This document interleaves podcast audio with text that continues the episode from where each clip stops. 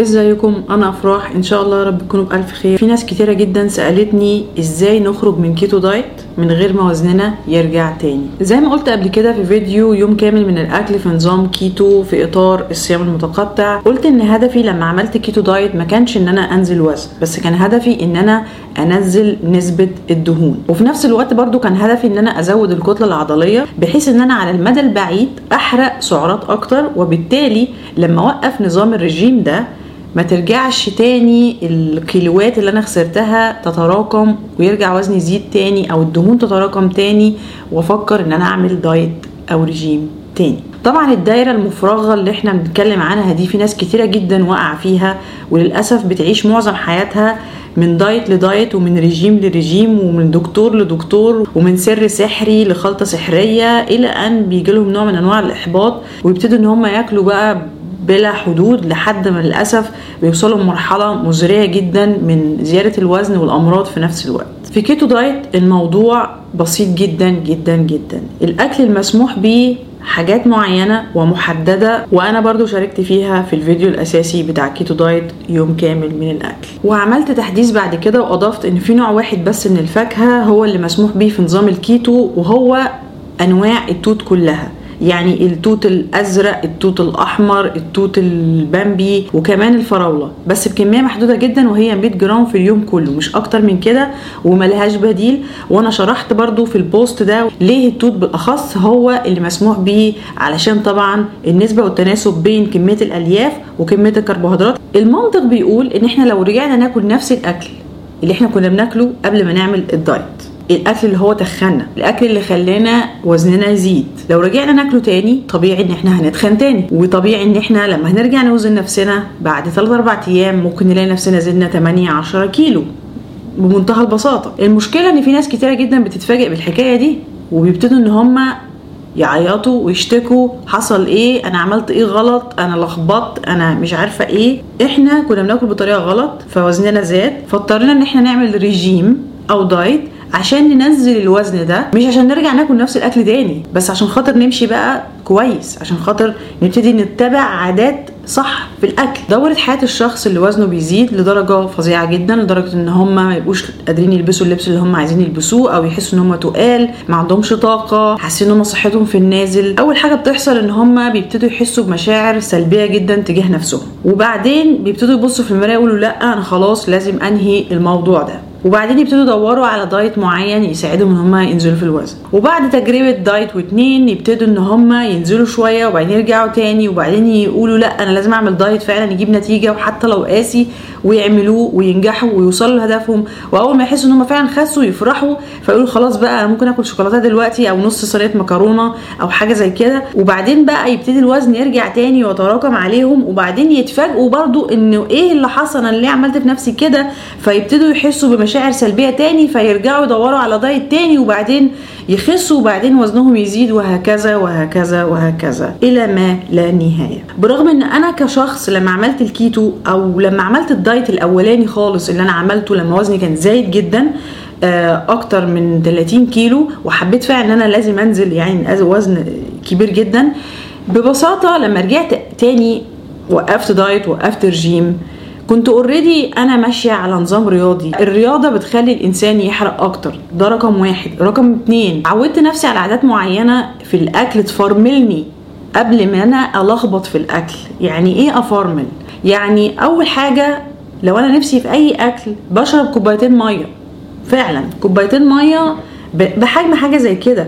وفعلا ده كتير جدا. كفيل إن هو يملى معدتي already وبعدين أكل اللي أنا عاوزاه. المشكلة إن معظم الناس بتعمل إيه بقى؟ على الريق كده يروحوا داخلين واكلين أكل مليان كربوهيدرات ومليان دهون ومليان سكر مليان ملح وبعدين يستغربوا لما يجوا يوزنوا نفسهم. طب أنتوا مستغربين على إيه؟ ما هو أنتوا دخلتوا الكمية دي كلها في جسمكم جسمكم هيعمل بيها إيه؟ هو مش محتاج كمية الكربوهيدرات دي كلها ولا كمية السكر ولا الحاجات دي كلها. فاللي بيحصل للأسف إن هو بياخد اللي هو محتاج له وبيوزع الباقي. دهون حاجة برضو تانية من ضمن الفرملة إن أنا بجيب مثلا نعناع شاي أخضر زعتر أي حاجة وعندي كده براد كبير كده آه، اللي هو بيسموه coffee press بحط طبعا شوية شاي ومية سخنة وأفضل أشرب في الشاي أشرب في الشاي. يعني مثلا لو لقيت نفسي جعانة بالليل أعمل شاي الأول. حاجة يعني عشبية بحيث إنها تعمل لي برده نوع من أنواع ال relaxation كده. وأفضل أشرب في شاي وأحاول أنسى الموضوع. وفعلا لما بطني بتتملي ببتدي بقى أميل لإيه بقى؟ أميل مثلا لشوية جزر مقطع شوية خيار مقطع شوية خس وخلاص على كده. ولو يعني فعلا فعلا جعانة جعانة يعني ممكن آكل مثلا شوية زبادي صغيرين وخلاص. وبحس إن أنا مقتنعة جدا. وصدقوني ما تسألونيش إزاي بس هي العملية محتاجة تجربة ومحتاجة إن أنتوا تكرروا الحاجة كذا مرة. الاستمرارية الاستمرارية بتولد حاجة اسمها العادة. ما أكدبش عليكم في أوقات معينة ساعات فعلا ببقى نفسي آكل مكرونة بالبشاميل بيتزا آه، أي حاجة يعني أي حلويات زي أي حد. بس بعمل إيه بقى؟ أنا زي ما قلت قبل كده برضو بستخدم حاجة اسمها تطبيق MyFitnessPal بسجل عليه كل حاجة باكلها أو كل حاجة أنا ناويه أكلها. ومسألة إن أنا أخطط من أول اليوم أنا ناويه أكل إيه دي فادتني كتير جدا. بمعنى مثلا إن أنا أقول أنا عايزه أتعشى النهارده كذا كذا. فبدخل الأكل في الوجبة بتاعت العشاء وبشوف أنا دلوقتي متبقي لي قد إيه سعرات لليوم كله. ممكن أنا نفسي فجأة مش متبقي لي غير 100 سعر. طب أنا معنى كده إن أنا مش هفطر. ومعنى كده أنا مفيش سناكس طب هل أنا ممكن أتقبل كده؟ هل ده فعلا واقعي أو رياليستيك إن أنا هقدر أعمل كده؟ ممكن. ممكن ارادتي تسمح لي. بس هل هبقى مبسوطة من نفسي؟ هل هتبقى مشاعري إيجابية في اليوم ده؟ هل هحس بالاسترخاء كده والراحة النفسية إن أنا مش عمالة أفكر في الأكل مش جعانة مش متعذبة مش قاعدة مجوعة نفسي لا قدرت أقعد مع أسرتي أفطر معاهم ولا قدرت إن أنا آكل معاهم حاجة ولا قدرت إن أنا آكل أي حاجة كده سناك مثلا في وسط اليوم حتى لو صحي. طبعا الاختيار هنا بيبقى اختياركم. أنا شخصيا بعد تجربة وبعد يعني آلام مريت بيها في هذا الموضوع مع التكرار اتعلمت إنه لأ بعد ما بحط الأكل قدامي اللي هو التقيل ده اللي هو هيطير كل السعرات بتاعت اليوم بقرر إن أنا لأ سوري بروح شايلة وأروح مخططة من أول وجديد. وفطار مثلا هاخد بيض مسلوق آه، ربع رغيف وبعد كده مثلا ال snacks هاخد مثلا فواكه مع جزر وباخد ال snacks كلها بحطها كلها في في الجزء بتاع ال snacks وبوزعها على اليوم. وبعدين بلاقي إن لسه باقي لي سعرات كتيرة جدا رغم إن أنا الأكل هيبقى كتير هشبع هقدر إن أنا أكل على مدار اليوم. فهي العملية عملية سيكولوجي أو برمجة للعقل إن إحنا نقعد ندي للجسم حاجات ونشوف رد الفعل إيه. لما بيرتبط بمشاعر الايجابيه بنبقى عايزين نكرر الحاجة دي تاني. بصوا مفيش حد بيقدر ياخد كل حاجة. لازم أنتوا تختاروا. الأكل لما بتتعاملوا معاه إن هو مصدر للسعادة يعتبر إدمان. المشكلة بس إحنا في مجتمعاتنا و... والعرف وما اتفق عليه الناس إن هم ما بيتعاملوش مع الأكل على هذا الأساس إن هو إدمان.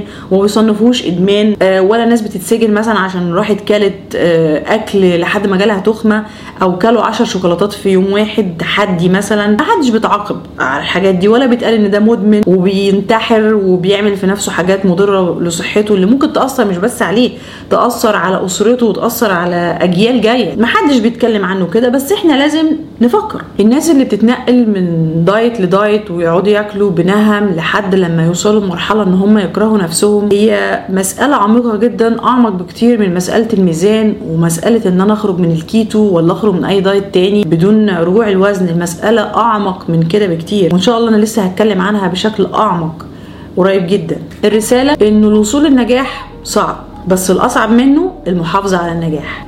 ولو افترضنا إن الوصول للجسم المثالي أو الوزن المثالي هو النجاح معنى كده إن الحفاظ على الوزن ده أصعب بكتير. وبيتطلب إرادة وبيتطلب وعي وبيتطلب إن إحنا نوزن الأمور ونوزن توابع اختياراتنا بدل ما نوزن نفسنا. ونفكر بوعي ونشرب مية.